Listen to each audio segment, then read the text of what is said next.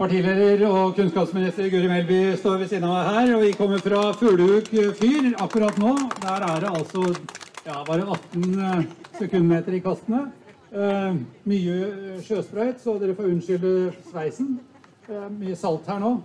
Men eh, vi skal skifte tema fra, fra Oslofjorden. Det er, det er likevel grunn til å si eh, et par ord om, om det. fordi når det gjelder ren Oslofjord, så er det liksom eh, det er Vestfold og Telemark Venstres eh, øverste eh, prioritet på, i valgkampen. Og vi har nettopp fått en helhetlig tiltaksplan for Oslofjorden som vi er veldig stolte av. Som jeg personlig er stolt av, for i 2017 så fremmet eh, Abid Raja, Ola Elvestuen og jeg et Dokument 8-forslag i Stortinget om, om, å få en helhetlig tiltaksplan for Oslofjorden. Den fikk vi på plass nå i år, i mars. Den er vi skikkelig stolte av. Og, og, den følges nå opp med 63 veldig konkrete tiltak og 11 kunnskapstiltak. Dvs. Si innhenting av forskning og, og andre, eh, andre utredningsoppgaver som, som, skal bringe fjorden på rett kjøl, for å si det sånn. Florøy fyr i dag 200 år. Eh, fantastisk. Det er et kulturminne. Fyr ble nedlagt i 79.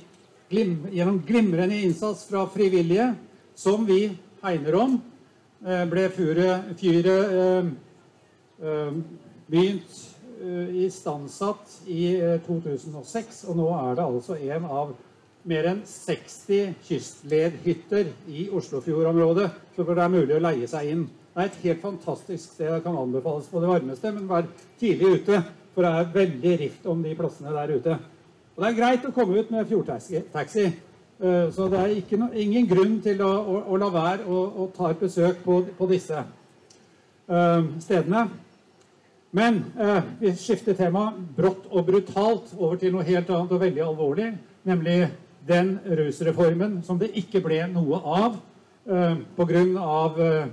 et flertall i Stortinget, hvor Arbeiderpartiet etter et landsmøtevedtak bestemte seg for, riktignok med, med to tredeler mot en tredel, og ikke støtte. Og dermed så gikk hele partiet imot, og så mistet vi flertallet for den rusreformen. Som, hvis Frp fortsatt hadde vært i regjering, ville vært vedtatt i dag. Det er den siden av saken. Men eh, altså, rusreformen dreier seg om å bringe, eh, bringe hele dette store feltet fra straff til hjelp. Og jeg har med meg altså, foruten Guri, eh, Arild Knutsen, som mange av dere kjenner, som leder av eh, Foreningen for human narkotikapolitikk. Men også Olaf Olsvik, som noen av dere kjenner fra boka 'Rus og Rolex'. Han er liksom, Arild er liksom sånn østkantens rusmisbruker. Uh, mens, uh, mens, Olaf er mer exit-varianten. Begge, begge er tunge rusmisbrukere, ja. akkurat. Men uh, dere kjente, kjenner dette feltet godt, og Arild jobber i dag for å skape bedre og, og verdigere forhold for en, de som definitivt sitter nederst ved bordet i vårt samfunn. Og det gjør for så vidt uh, Olaf også, som driver Mestringshusene på Bolkesjø. Um, det har celebert besøk nå i siste, siste, året. Mange av dere kjenner, um, kjenner, en av dem. Jeg skal ikke nevne navn. Men, uh, men han har hatt, uh, tror jeg, veldig nytte av både personlig veiledning fra, fra, din side og miljøet på, på Bolkesjø. 31, 31 rusbrukere som, som lå der i fjor sommer hvor jeg var uh, flue på veggen en, hel uke. Og det er en av de flotteste ukene jeg har hatt i mitt liv. Jeg ble kjent med dette klientellet ditt, som, uh, som, virkelig, som virkelig har, er blant dem i, i, landet som har mest mot og, og, vilje til å gjøre noe med sitt, uh, med sitt misbruk. Men Guri, først til deg. Du har, du har stått fram som en, en, en varm forsvarer for for rusreformen. Og hvorfor er dette så viktig for Venstre? Tusen takk, Karl Erik. Og takk for at du er med på å løfte opp det temaet her i valgkampen. Venstre er jo et parti som i hele sin eh, altså over 100 år lange historie har stått i bresjen for radikale sosiale reformer. Og det er en del av sjela vår. Og de siste 15-20 åra så har kampen for en mer verdig behandling av mennesker som sliter med rusavhengighet, vært en av de aller, aller viktigste sosialpolitiske sakene for oss. Og Venstre er jo et liberalt parti. Og det her er egentlig litt sånn kjernen i det å være liberal, tenker jeg. For det handler om å ikke fordømme folk for de valgene de har tatt. Og så handler det om å se mennesker som mennesker. Og så handler det om å si at hvis det er et menneske som trenger hjelp, så er det hjelp de skal få, og ikke straff. Og er det noe som undrer meg over Altså, Vi lever i et velferdssamfunn, og på mange områder så er vi veldig gode på å ta vare på dem som trenger hjelp. Eh, men akkurat den gruppa her, mennesker som da sliter med rusavhengighet, har vi bestemt oss for av en eller annen måte enn alle andre som trenger hjelp. Og det gjør også at problemene vokser så veldig mye større enn de trenger å være. Det at vi da har hatt et strafferegime knytta til rusavhengighet, det gjør at unge mennesker som kommer inn i det her, kanskje ikke tør å be om den hjelpa som de trenger. Eh, og det betyr at noen av dem som har det aller, aller vanskeligste i vårt samfunn, i stedet for at vi løfter dem opp og gir dem det de trenger, så opplever de å bli jaga av politiet. Eh, og rett og slett opplever mange et uverdig liv. Så innimellom, som politiker, så får du noen sånne historiske muligheter til å rette opp noen uretter. Og da vi la fram regjeringens forslag til en rusreform, som da rett og slett handler om å avkriminalisere det å ha på seg brukerdoser av narkotika, det er det det rett og slett handler om, Å ta bort det her fra straffeloven, flytte over behandlinga av mennesker med rusutfordringer fra justisvesenet til helsevesenet. Det var et av mine stolteste øyeblikk som politiker. Det å få lov til å være med på noe sånt. En mulighet til å forandre samfunnet, og en mulighet til å forandre måten vi behandler noen av dem som har det aller vanskeligst på. Og altså, når du går inn i en valgkamp sånn som vi gjør nå, da, Karl Erik, så er det jo eh, det er mange timer på stand, det er mye jobbing. Eh, og innimellom så kan man liksom spørre seg er det verdt det. um, men eh, kampen for rusreformen en av de sakene som virkelig, virkelig gjør det verdt det. Og det er en av de sakene som gjør det verdt for meg å kjempe for at Venstre skal gjøre et godt valg. At vi blir representert med ei sterk gruppe på Stortinget. Og vi har jo lovd det, da, Karl Erik, at hvis vi kommer inn, så er en av de første tingene vi skal gjøre, det er å be om at rusreformen må bli behandla på nytt. Vi mener den måten den ble behandla på i vår av Stortinget, eh, var basert på feil informasjon, feil fakta, eh, basert på folks magefølelse om hva som er rett og galt, og ikke på hva vi vet ut fra kunnskap og forskning. Eh, basert på en del stereotypier og fordommer. Så Derfor så ønsker vi at den saken skal løftes opp på nytt. Og det håper vi at vi får velgerne sin tillit til å gjøre. Og så ber vi dere legge merke til hva som nå skjer i det politiske bildet. Eh, Jeg skal ikke si noe om det, eh, om, om, om liksom muligheten for Venstre. Eh, Men legg merke til nå hvilke partier som har framgang. Legg merke til at, at det kan fort skje at vi har et helt annet politisk flertall hvis vi ser isolert på rusreformen fra, fra høsten av. Og da har vi altså tre partier som i dag ligger relativt godt an, altså Rødt, MDG og SV. Eh, Og som da er i allianse, eller det vi kaller på venstresiden, med Arbeiderpartiet og Senterpartiet. Og eh, du har en utfordring, Guri, til, til disse tre partiene. Ja, Det er helt riktig, Karl Erik. For det er klart så Venstre har jo nå sittet i posisjon i åtte år. Og en av de sakene vi prioriterte å få gjennom da vi forhandla regjeringsplattform, når vi skulle gå inn i regjering, det var en rusreform. Og så vet, altså Når du skal inn i den type forhandlinger, så vet vi at partiene må jo velge seg ut. Du må plukke ut noen kamper. Du kan ikke vinne gjennom alt. Og da valgte Venstre rusreform som en av de kampene vi skulle ta. Og min utfordring til partiene SV og også MDG og Rødt, hvis de kommer i en posisjon der de skal forhandle enten om en regjeringsplattform eller et flertall eller noe sånt, er at de skal bruke den makta de da får til å løfte opp nettopp rusreform og kreve resultater, kreve at vi flytter politikken. Og jeg må bare innrømme at selv om jeg vet at de partiene har stemt for en rusreform da den ble handla på Stortinget, så er jeg litt skuffa over at de ikke har bidratt til å løfte den saken i valgkampen så langt. Og vi har fortsatt mange uker igjen. Det er mange muligheter til å få den på agendaen. Så jeg håper at de vil komme ut og si nå, også i løpet av valgkampen, hva de har tenkt å gjøre for å bidra til at vi får til en rusreform, uansett hvem det er som styrer i det landet her etter valget. Arild Knutsen. Kom litt lenger fram her. Dette er altså en kar som i ja, store deler av sitt liv har brukt all energi, all sitt mot, all sin stå-på-vilje for å løfte denne gruppen av utsatte mennesker i samfunnet. I fjor, eh, i 2020, eh, i eh, februar, så inviterte Arild meg til, til Wien på en svær internasjonal FN-konferanse med 3000 deltakere, der eh, Bent Høie var en av innlederne. Eh, Og eh, til å være til stede og høre, og vi hadde innlegg begge to. Veldig glad for det. Der oppsto det en situasjon hvor Bent Høie tar for seg Arild, og så sier han, og det skulle du få lov til å si sjøl, Arild Thank you, Arin. We have been discussing this for over 20 years. We have had our differences. You had right, I had wrong. Da var det folk i forsamlingen som gråt. Og saken er jo den at hele det internasjonale samfunnet, med FN og WHO i spissen, går jo for avkriminaliseringsreform. Ja, og det vil jeg gjerne få lov til å si, for det er helt riktig. Vi var i FN-bygningen i Wien. Det er den fjerde største FN-bygningen i verden. Det var delegater fra hele verdens, alle verdens land. Det var ambassadører, det var byråkrater, det var regjeringsrepresentanter.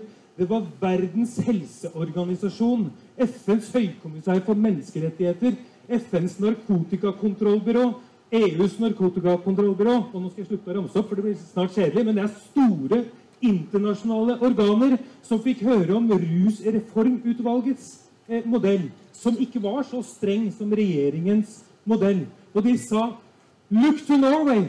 Det er helt fantastisk. Dette går an å gjøre innenfor FNs narkotikakonvensjoner.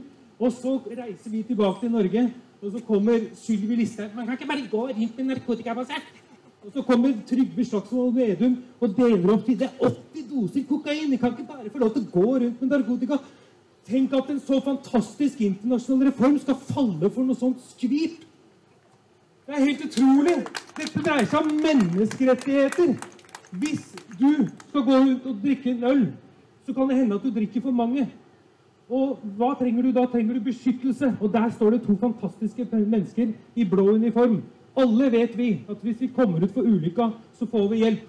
Men hvis du, enten du har drukket eller ikke, gjør noe stygt med noen, så heldigvis så kommer de der og fikser opp i det og gir deg straff. Men hvis du røyker en joint, kanskje er utsatt for forferdelige ting i oppveksten, seksuelle overgrep, har psykiske vansker eller noe sånt, da får ikke de lov til å være våre beskyttelsespersoner, men skal behandle oss som kriminelle.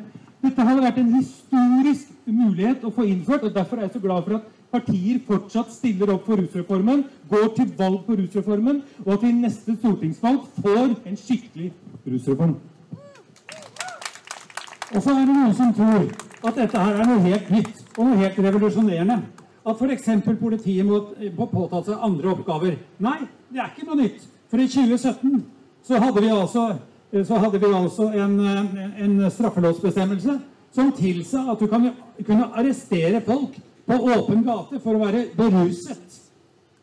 Og, og, og loven hadde, hadde jo et, eh, et merkelig navn, Arild. Ja, Løsgjengerloven? Ja, Løsgjengerloven.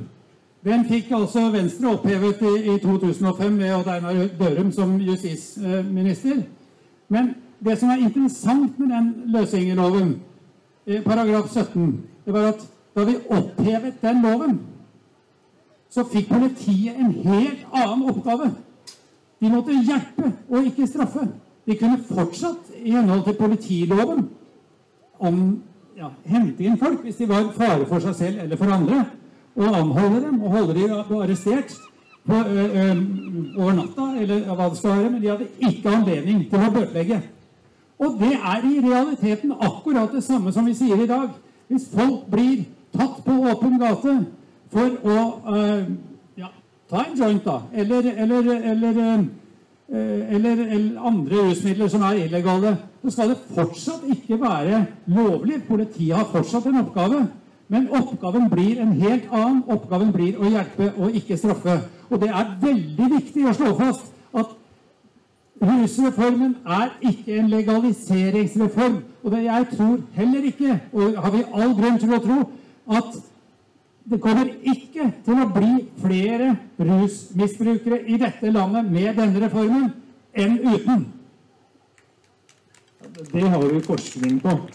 Vi har omfattende eh, dokumentasjon på over 400 sider i en norsk offentlig utredning. Det finnes ingen grunn til å tro at straffeforfølging av straffbrukere gjør at flere kommer til å bruke. I dag så er det sånn at ungdom som begynner å bruke ulovlige rusmidler, de har ingen steder å gå for å få hjelp, fordi de frykter skuffelse, fordømmelse, sanksjoner og straff. De må hjemme skjule det de gjør for sine tillitspersoner. Og Derfor så kommer vi i posisjon til å hjelpe folk som får rusproblemer, altfor seint. Når de allerede er skada helsemessig, økonomisk og sosialt, oftest for livet. Hvis vi hadde fått den rusreformen Politiet skal jo ikke bare jaså, kose seg med en joint i dag. Nei, den skal faktisk gripe inn. Den skal ta stoffet fra deg. Destruere stoffet. Men så kan du gå til kommunalt råd. Ok, hva er dette her? Eh, og hvis det er sånn at jeg har problemer hjemme, eh, jeg prøver å løse, jeg har det ikke så bra og sånn, så får du bistand utenfor familien. Vet dere hva de gjør med 16-åringene, 15-åringene, både guttene og jentene, som blir utsatt for seksuelle overgrep, omsorgssvikt, og prøver å løse det med Kanskje ikke de får spiseforstyrrelser, kanskje ikke de begynner med selvskading, men kanskje de begynner å bruke rusmidler for å holde ut i tilværelsen. Da tar politiet dem, og så ringer de. Er du pappaen? Ja. Hun bruker narkotika. Ok, dette skal vi fikse sammen, konstabel.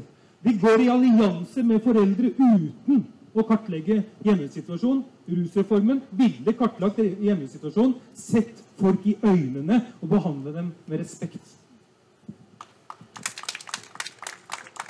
Jeg tror også det er viktig å få fram at um, altså Arild har vært inne på det. Vi har masse forskning, vi har masse dokumentasjon som viser at det strafferegimet vi har i dag på rus, det funker ikke. Og den modellen som vi ønsker i Norge, det er også noe som er prøvd ut i andre land. Vi kaller det ofte for Portugal-modellen. Portugal er da det er kanskje ikke det folk flest forbinder med Portugal, men Portugal er altså et av de landene som for mange år siden gikk over fra straff til hjelp til mennesker som da blir tatt med brukerdoser med narkotika. Så det har hatt en veldig positiv effekt. Det blir færre som dør av narkotikaoverdoser. Og det blir også mindre rekruttering av unge til disse miljøene. Og det er akkurat det vi ønsker. Og nettopp derfor så er det det vi hele tida sier, at på det området her, det er så lett at det blir veldig, veldig mye følelser.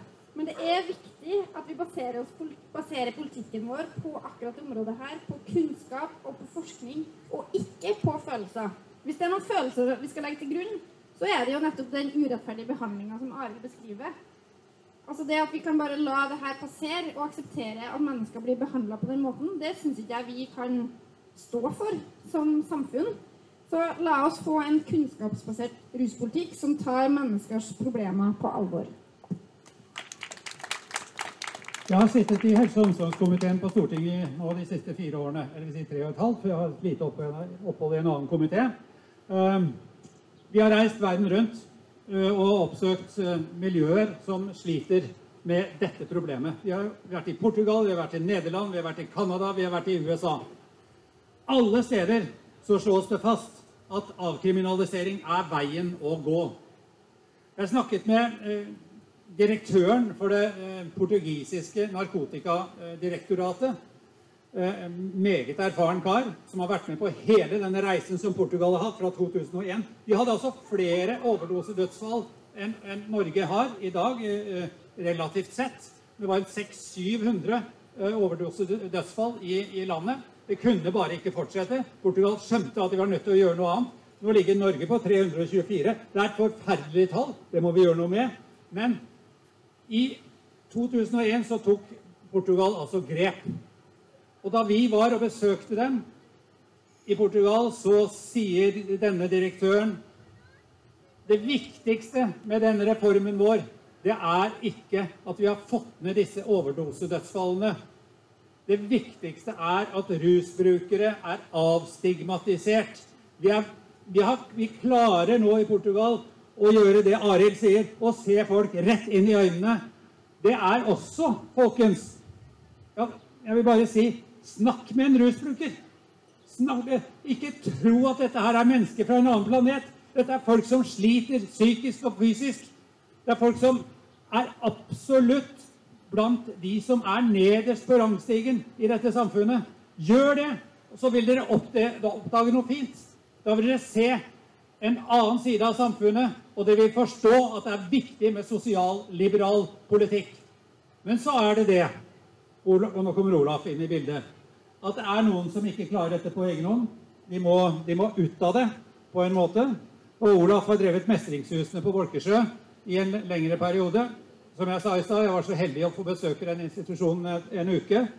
Fantastisk, fantastisk opphold i nydelige omgivelser. Men, eh, men, det var jo ikke derfor jeg var der, for å se på naturen. Det var for å gå inn i folks hoder, for å si det på den måten. Og jeg satt i terapitimer. Jeg var med på én-til-én-samtaler. Eh, har snakket med hele behandlingsapparatet. Det er tverrfaglig, tverrfaglig samarbeid, som, eh, og dere er registrert ikke sant, som, som en del av spesialisthelsetjenesten i Norge. Altså finansiert av det offentlige, men en privat institusjon. Hvordan Nei, jeg har lyst til å begynne et annet sted. Olaf, du har en spesiell historie. Du må fortelle den på, på, på 25 sekunder. Hva var det som skjedde med deg? For du var en framgangsrik gründer, og så gikk det rett utforbakke. Ja, det gjorde det. Og jeg tenkte på Jeg er ikke på sykehuset Vestfold sentralsykehus, er ikke så langt unna her. For 20 år siden så ble jeg lagt inn der. Da veide jeg 69 kilo. og visste ikke helt åssen det skulle gå. Da kom det noen fra sosialetaten som het den gangen, og tilbød meg uføretrygd. Og jeg skulle få hjemmetjeneste. Og jeg skulle få hjelp, eh, få medisiner tre ganger om dagen. Jeg har aldri vunnet i Lotto, men det, jeg kan ikke tenke meg at det føles annerledes enn jeg tenkte da. Endelig så var det noen som skjønte meg. Og da skulle jeg få den hjelpa. Men så eh, var det noen som sa at kanskje at uh, Olaf han kan trenge en annen hjelp. Og da kom jeg inn i hjelpeapparatet. Uh, etter å ha gått ut og inn av fengsel også, så fikk jeg den hjelpen som jeg trengte som en misbruker, og fikk lov til å snakke litt om hvor jævlig jeg hadde det, og hvor redd jeg var, og om følelsene mine og alle de tinga der. Og da begynte ting å skje i kroppen min, og etter hvert så slapp jeg å bruke rusmidler. Etter hvert så kunne jeg klare å snakke om følelsene mine, og det er det vi lærer folk på Bolkesjø. Vi lærer å snakke om følelser. Vi lærer om å ta tak i livet, og vi lærer om å, å, å, å tro på seg sjøl. Og vi, vi har psykolog, psykologspesialister som tar hva heter det, redegjørelser på de og finner ut at flesteparten har blitt seksuelt misbrukt av en eller annen art. Fleste har traumatiske opplevelser. De fleste har både det ene og det andre. Og det er ikke nok å bli ruser. Man trenger lang behandling. Og trenger virkelig lang tverrfaglig behandling for å komme ut av det. Det er ikke noe som er gjort over natta. Og jeg har jo sett i denne debatten så er det noen som tillater seg å si at lange behandlingsopphold, det er hotellopphold. Og da blir pasientene som er hos oss, de blir skikkelig forbanna, og det ble jeg også. For jeg skal love dere, det er ikke mye hotellopphold. Det er riktignok på et gammelt hotell, men det er det eneste også. Nei, dette er tøft. Dette er tøft. Det er tidlig opp om morgenen, og du skal holde rommet ditt i orden. Og du, og du skal stille på de timene du skal stille på. Uh, så, og, og, det, og, det, etterlever folk. Altså det, det, var en utrolig stemning. Og det er egentlig så var det ganske deilig, selv for meg som ikke sliter med de samme problemene, å sitte ned i en terapitime. Det er første gang jeg har gjort det i mitt liv. Å sitte i en rundebordskonferanse hver, hver, dag og, og, og, snakke om hvordan du egentlig har det. Og det letter, det letter trøkket helt utrolig. Og så forteller du at dette er en privat institusjon. Driftes Har nettopp åpnet uh, avdeling på, ved Bergen, Tysnes. Uh, fremgangsrik uh, sådan.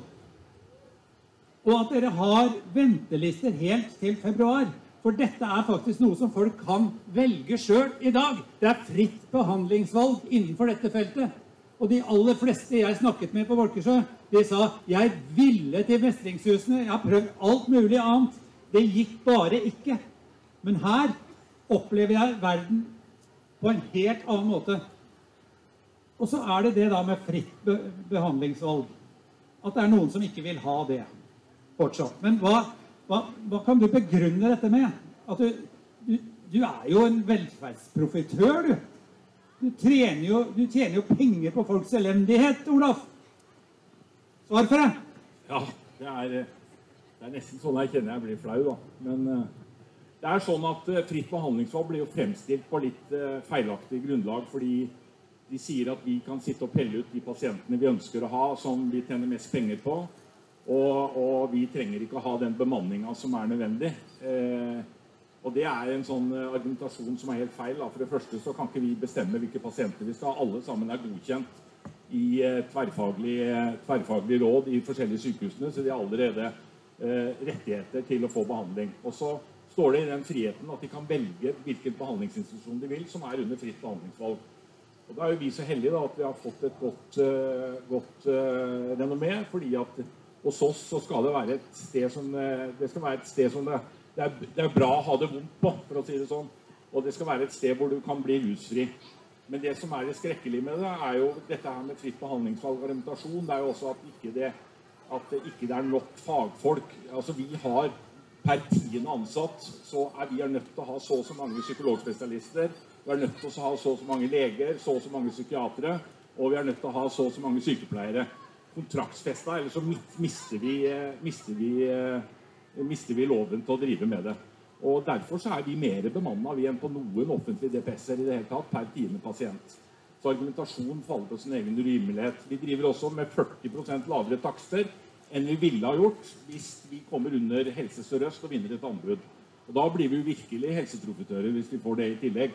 For vi klarer oss godt med det som er.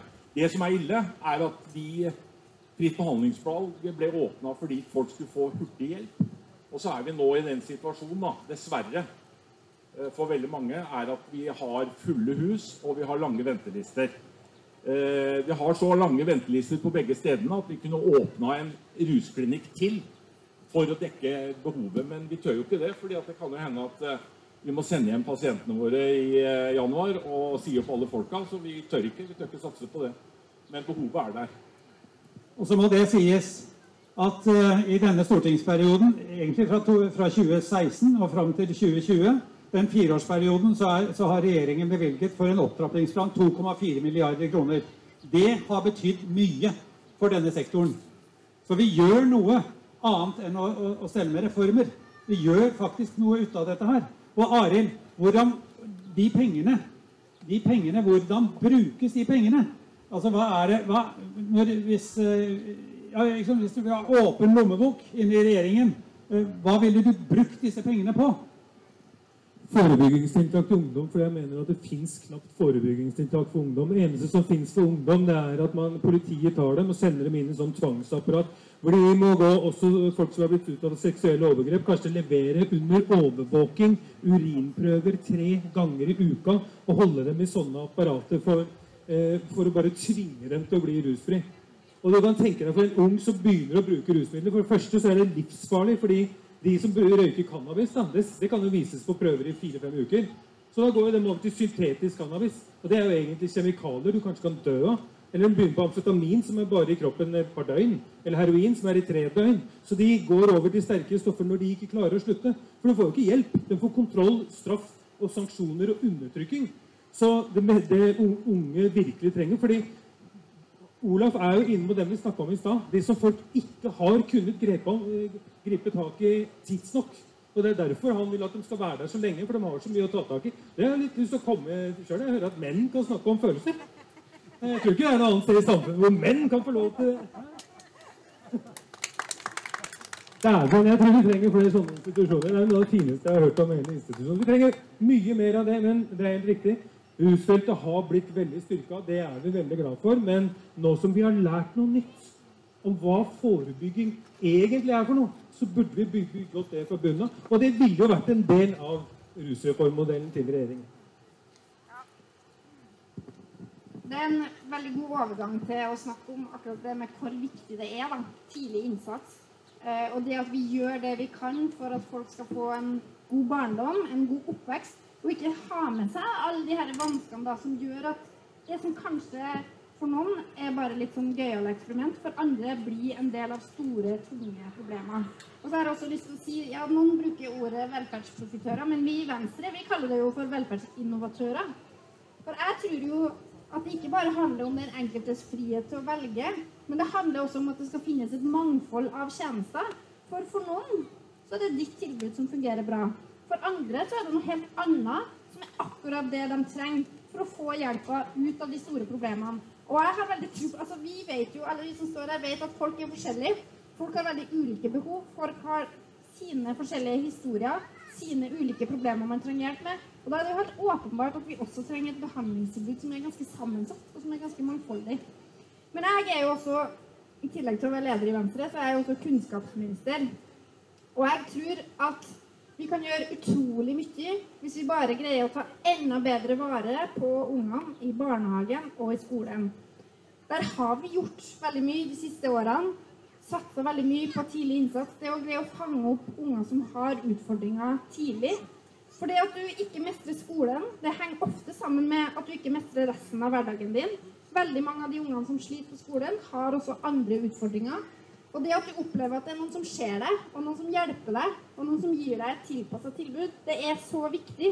Og det at det finnes helsesykepleiere og psykologer i skolene og i kommunene som gir et lavterskeltilbud før problemet har vokst seg helt uhåndterbar, før ting blir altfor, altfor vanskelig. Det er faktisk noe av det aller billigste vi kan gjøre. Og det at vi som samfunn nå øker investeringene i det, det mener jeg er helt avgjørende. Særlig nå ett og et halvt år inn i en pandemi, så vet vi at noen av dem som har det vanskeligst fra før, er også dem som har takla den situasjonen dårlig. Så det å få et virkelig løft for barn og unges psykiske helse den neste fireårsperioden, det kommer vi til å gå i spissen for. Og det er kanskje her at Venstres politikk på borgerlig side skiller seg fra de andre, eh, fra de andre partiene. Aldri så lite. Jeg skryter av Høyres eh, politikk, jeg skryter av deler av Fremskrittspartiets politikk, jeg skryter av Kristelig Folkeparti. Men når det gjelder tidlig innsats, så har Venstre alltid vært der. Alltid vært der. Fra Castberg og barnelovene og fram til i dag så har vi vært på tidlig innsats. og Derfor er vi veldig glad for at vi har kunnskapsministeren og kan kjøre gjennom eh, venstrepolitikk fra barnehagen og oppover. Og det har du jammen meg gjort, Guri. Ikke minst ved fullføringsreformen, som av mange ble fremstilt som en sånn uh, som, som, en sånn slakt av historiefaget, men som selvfølgelig er helt feil. Jeg jobber selv med historie i det daglige når jeg ikke er på, på Stortinget. Og jeg skal si deg det at du hadde ikke vært min minister hvis jeg hadde trodd på det der. Men altså, det som er saken, er at vi skal ha flere igjennom videregående skole raskere. F.eks. som eh, Færder videregående har klart å få opp fullføringsgraden fra noen og 60 til noen og 80. eh, Guri var der. Eh, jeg var sammen med deg og fikk demonstrert hvordan dette skal gjøres. Og det er enkle grep som skal til. Men nå har vi en reform der som du har kjørt igjennom. Vi har vært med på å vedta den i Stortinget. Den ligger der. Vær så god, ta den i bruk. Så hindrer vi at folk ender opp hjemme hos, hos, hos Olaf. For, er, for her, her er det folk som har hatt en forferdelig dårlig start på livet, og som kunne ha vært fanget opp tidlig, mye tidligere. Ja, og de fleste som kommer til oss, har jo vært eh, innlagt eh, både her og der en fire-fem ganger før de kommer. Og det viser seg at eh, en rusmisbruker da, som, som, går på en DPS, de fleste av de misbrukerne har ikke vært hatt gjort utredning på. Så de har bare fått den stempelen at de er en rusmisbruker, og så får de klare seg så godt de kan. men det blir jo ikke gjort utredning, og man kan finne ut hva som ligger under der. Man vet ikke barndommen som Marit snakker om. Man vet ikke hvilke oppvekstvilkår det har vært, og man vet ikke hvilken psykiske lidelse de har. De kan være bipolare, de kan ha stor angst, og de kan være traumatisert. Og det trenges da en tverrfaglig bit på å gjøre. Det er ikke nok å bli rusfri. Det er en lang, lang vei å gå for å klare å holde seg rusfri resten av livet. Ja, det er en eh, det er en utrolig historie som ligger bak alle de som har vært eh, hos deg. Jeg tror hver enkelt eh, har noe å fortelle. Ingen rusbruker er lik en annen rusbruker. Det viser seg at en rusmisbruker kan være til forveksling lik folk. Ja, Det syns jeg er veldig fint å si. Jeg ser Vi har et av våre medlemmer som står med T-skjorta 'Vanlige folk stemmer Venstre'. Det har vært mye snakk om hvem er det som er vanlige folk. Nå er det vanlige folks tur i landsmøtetalen min i vår så sa jeg det at mennesker med rusutfordringer er også vanlige folk. Det er helt vanlige folk. Vi vet ofte ikke hvem de er. De kan være en midt iblant oss på jobben, på skolen og andre. Det er helt vanlige folk. Det er vanlige folk som har problemer. Og Derfor er det viktig at vi også løfter fram dem. Og jeg syns det er veldig fint eh, Karl Erik, at du tar opp eh, fullføringsreformen. For jeg syns jo både fullføringsreformen og rusreformen på veldig mange måter får opp det som er liksom sentralt i Venstres politikk. Det å sette den enkeltes behov i sentrum. Kjernen i fullføringsreformen er jo at vi tror at en sånn A4-skole ikke funker for alle. Nå har vi oppheva tidsbegrensninger på å greie å fullføre videregående skole. Alle hadde jo rett til å starte på videregående skole, men etter tre år så har du brukt opp retten din. Det ønsker vi å ta bort, det hinderet der, som gjør at for noen så bare stopper det helt. For noen trenger å bruke fire år, fem år, eh, og få litt annen type hjelp enn det andre gjør. Og det er også liksom kjernen av rusreformen, det å se at mennesker er individer og trenger å bli behandla som det. Eh, det er egentlig hovedgrunnen til at jeg er med i Venstre. Vi skal snakke mer om eh, skolepolitikk senere. Susi Haugan, tredjekandidaten til Vestfold og Telemarks lister. Vi stiller i begge, vi stiller samme liste i både Vestfold og i Telemark. Eh, vi skal ha en prat med Guri etterpå når det gjelder friskoler. Friskoler er et tema som, eh, som opptar folk i, i Tønsberg eh, kraftig. Men foreløpig så er det altså rusreformen vi snakker om. Men jeg skal trekke linjene litt over til kriminalomsorgen. Og for, for oppe hos Olav på Borkersjø, på Mestringshusene, så er det altså en del som soner sin straff i en såkalt paragraf 12-soning. Eh, eh, ja, det er en kjent sak at det var en skiløper fra Nord-Trøndelag som, som eh, var hos dere eh, på, på, den, på, på slike vilkår. Men det, det dreier seg jo også om at vi nå forsøker å gjøre noe for folk som er havnet i den situasjonen de har havnet i, som har gjort noe dumt, og som da har litt å lære før de kommer ut i samfunnet igjen. Og hvordan fungerer dette her, Olav? Jeg møtte mange av dem da da jeg var oppe hos deg. Det er jo eh, en ting jeg vil si først da, når det gjelder paragraf 12. Det er jo at uh, det- man tror at det er en forenkla soning å komme på en institusjon. Da, I hvert fall sånn institusjon som det vi har. Så er det så mange av de som kommer fra fengselet og skal sone der, som kanskje har tenkt at det var enkelt. De ønsker seg tilbake til cella si i fengselet. For de blir konfrontert med virkeligheten over sine handlinger. De må snakke om følelsene sine, og det er et strengt, strengt sånt um, terapeutisk regime, da, vil si behandlingsmessig. Så mange av de er jo ikke vant til å ta tak i det og ønsker seg tilbake igjen. Og det, det med paragraf 12 det er sånn at man søker seg dit, og så får de da sjansen til å eh, bli rusfri og klare å komme seg ut av den situasjonen de er. For det er klart at når du har vært fengsla ti ganger, så er det kanskje lurt på å finne på noe annet. For det første så sier jeg til de som kommer inn med flere dommer og har blitt dømt mange ganger, prøv å finne på noe annet, for du er jo ikke god nok kriminell. Du blir jo tatt hver gang. Og, og, da er det mye bedre å på en måte ta tak i livet sitt. Og, og det er klart at det begynner myndighetene å forstå litt. Dette her, mer og mer, er at uh, kanskje man skal gjøre en endring. da Kanskje man skal finne på noe annet enn å straffe folk. Og det er jo det rusreformen går ut på. Det er å komme vekk fra straff og til hjelp. Og der er jo paragraf 12 et godt eksempel på at det er veldig mange som kommer seg ut av det. Jeg skal over til deg, Arild.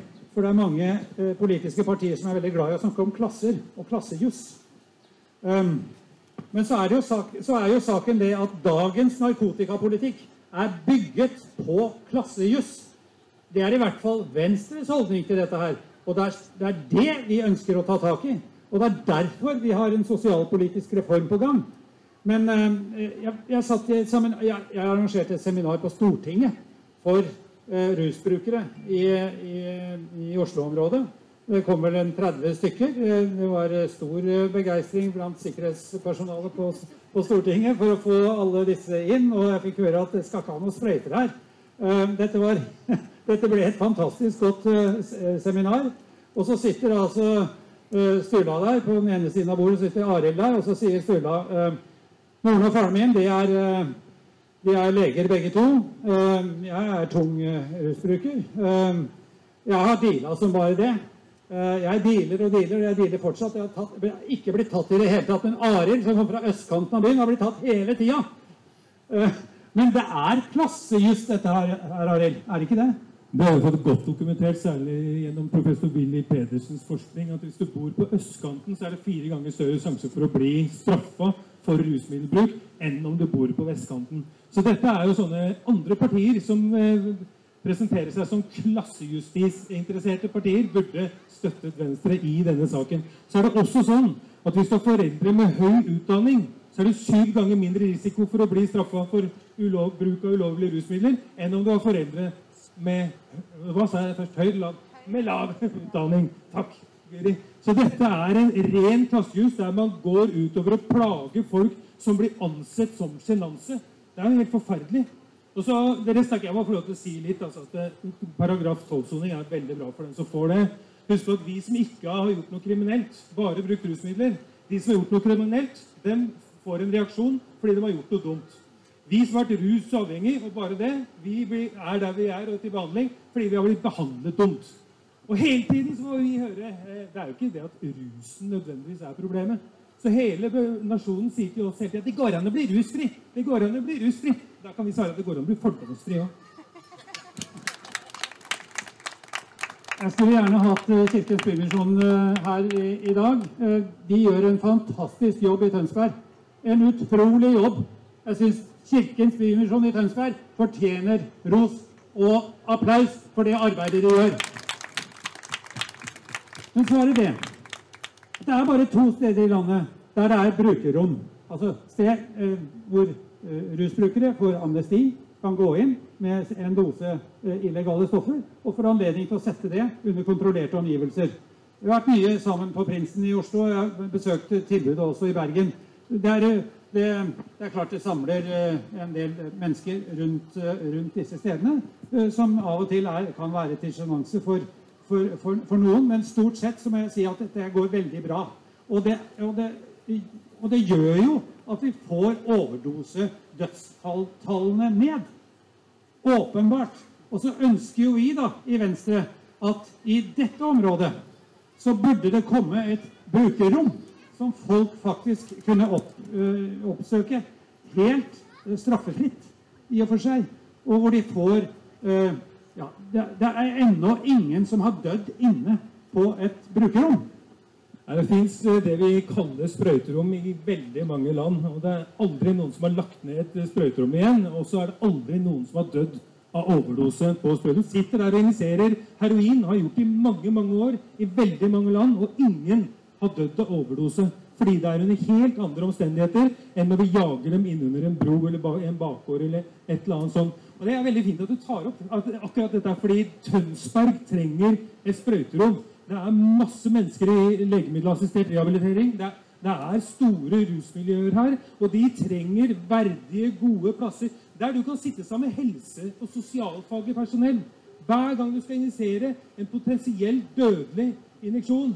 Og så snakker de med deg og gir deg god kultur på hvordan du gjør det, hva du kan gjøre med problemene dine, istedenfor at du skal sitte under en bro, skitten, møkkete, høy fare for hiv, hepatitt C, skader, dødsfall, og den rundt deg En engangsfriken. at det- Du tåler litt opp. Ikke? Du får aldri den positive effekten som du får av sprøyter. Og etter Arbeiderpartiets landsmøte og eh, stortingsvedtaket, så er jo vi veldig lei oss nå. Vi, vi skal få en rusreform, men vi er, vi, etter at vi ikke fikk det akkurat nå, det er veldig viktig å huske på at dere har fått til at det gikk fra å være sprøyterom i Oslo og Bergen til at det nå er brukerrom, sånn at du kan hjelpe folk med alle alvorlige avhengigheter. Vi har legemiddelassistert rehabilitering under lupen. Veldig mye takket dere, være dere. Og i november så starter Oslo og Bergen, og det er det dere først og skulle hatt her i Tønsberg også, starter Oslo og Bergen med heroinassistert behandling. Og er ikke det rart? Nå skal vi begynne å dele ut heroin og gjøre det lovlig. Kom her, så skal du få Ser du syk ut, skal du få litt heroin. Da blir det bra. Det, det er ikke sånn vi har lært om heroin, men sånn er det. det ulovlig heroin det tar opptil 260-340 liv i året. Lovlig heroin redder liv. Det er gjort i mange land. Danmark, Tyskland, England, Belgia, Sveits, Nederland. Ingen land har heller lagt ned heroinbehandlingen fordi det redder liv, det forebygger skade, og folk klarer lettere å slutte igjen. Og eh, Suksessfaktoren med heroinbehandling det er faktisk at den terapeutiske effekten man får av heroinrus. Så tenk hvor mye bedre det er når man legger bort fordommene og innfører en kunnskapsbasert behandling. Det får vi nå i november, og det burde Tønsberg ha. Fordi Hvis du er heroinavhengig og løper ut i desperasjon for å finne deg noe nå, hvorfor skal du skaffe deg det først? Skynde deg å skaffe penger på en eller annen måte. Drive narkotikakriminalitet. Være i besittelse. Og så løper du til kommunen. Ja, men her kan du bruke narkotikaen kjøpt fra Taliban. Er det ikke bedre å løpe rett inn på en klinikk, så får du lovlig medisin? Det er Topp. Kjære venner, jeg ber dere huske tallet 324. 324 overdosedødsfall i 2020. Det er et tall å huske, og hvorfor er det det? Jo, for hvis det hadde skjedd i trafikken at 324 mennesker døde i løpet av ett år, vel, da skulle du sett på reform. Da skulle du sett på tiltak. Da skulle du sett på milliardene som ble rullet ut. For det kan vi ikke ha. Men nei, når det er folk som sitter nederst ved bordet, da kan vi la det passere. Og da trenger vi ikke noe mer reform. Da trenger vi fortsatt et strafferegime som det vi har hatt i 60 år. Vi trenger ikke noe nytt å tenke på. Sånn er det blitt. Jeg må bare si en ting. Sånn vi har så høyt engasjement for dette her. Det er innmari viktig at dette er en sak der vi har med oss folket. Hvis jeg sier 'avkriminaliser'! Avkriminaliser! Avkriminaliser! Alle er for at vi skal slutte å behandle folk som rusmiddelbrukere som kjeltringer. Det synes jeg er en veldig god eh, oppsummering, eh, Arild. Jeg har bare lyst til å si, da, før jeg må avslutte min tilstedeværelse her på torget i dag, at vi har Altså, jeg tror vi, vi må liksom ta med det at ruspolitikken har flytta seg mange, mange steg de siste 20 årene. Det har blitt mye mer fokus på behandling, mye mer fokus på behandlingstilbud som treffer folk. Og det har vært en avstigmatisering som gjør at vi i noen byer i dag da har brukerrom. Eh, som gjør at vi har en legemiddelassistert behandling. Og uansett hva vi får til med rusreformen, og ikke skal jeg love at vi skal fortsette å flytte de skrittene hvert eneste år. Vi har ingen liv å miste. Og det er liksom det som gjør meg ekstra frustrert da, med denne rusreformen. For nå hadde vi sjansen i vår til å kunne gjennomføre en reform som ville ha redda liv. Og for hvert eneste år som går der vi ikke får gjennomført den reformen, så risikerer vi at det er da flere hundre liv som går tapt hvert eneste år. Så det, altså, Vi politikere vi må lære oss å være litt tålmodige, men akkurat på det området her så begynner jeg å bli veldig veldig utålmodig. For jeg syns ikke at vi kan akseptere det lenger. Så Derfor så vil jeg bare gjenta det jeg sa helt innledningsvis.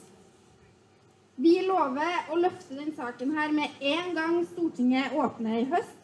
Vi lover å gi alle de 169 representantene på Stortinget en mulighet til til å rette opp den feilen som ble gjort i vår, til å stemme for at vi går fra straff til behandling av mennesker med rusproblemer. Og jeg vil gjerne utfordre stortingskandidatene fra alle de andre partiene til å si hva de mener om det her, og si hva de har tenkt å gjøre for å redde over 300 menneskeliv hvert eneste år. Tusen takk for meg. Venstres leder, Guri Melby, kunnskapsminister, visestatsminister, er Guri. Har du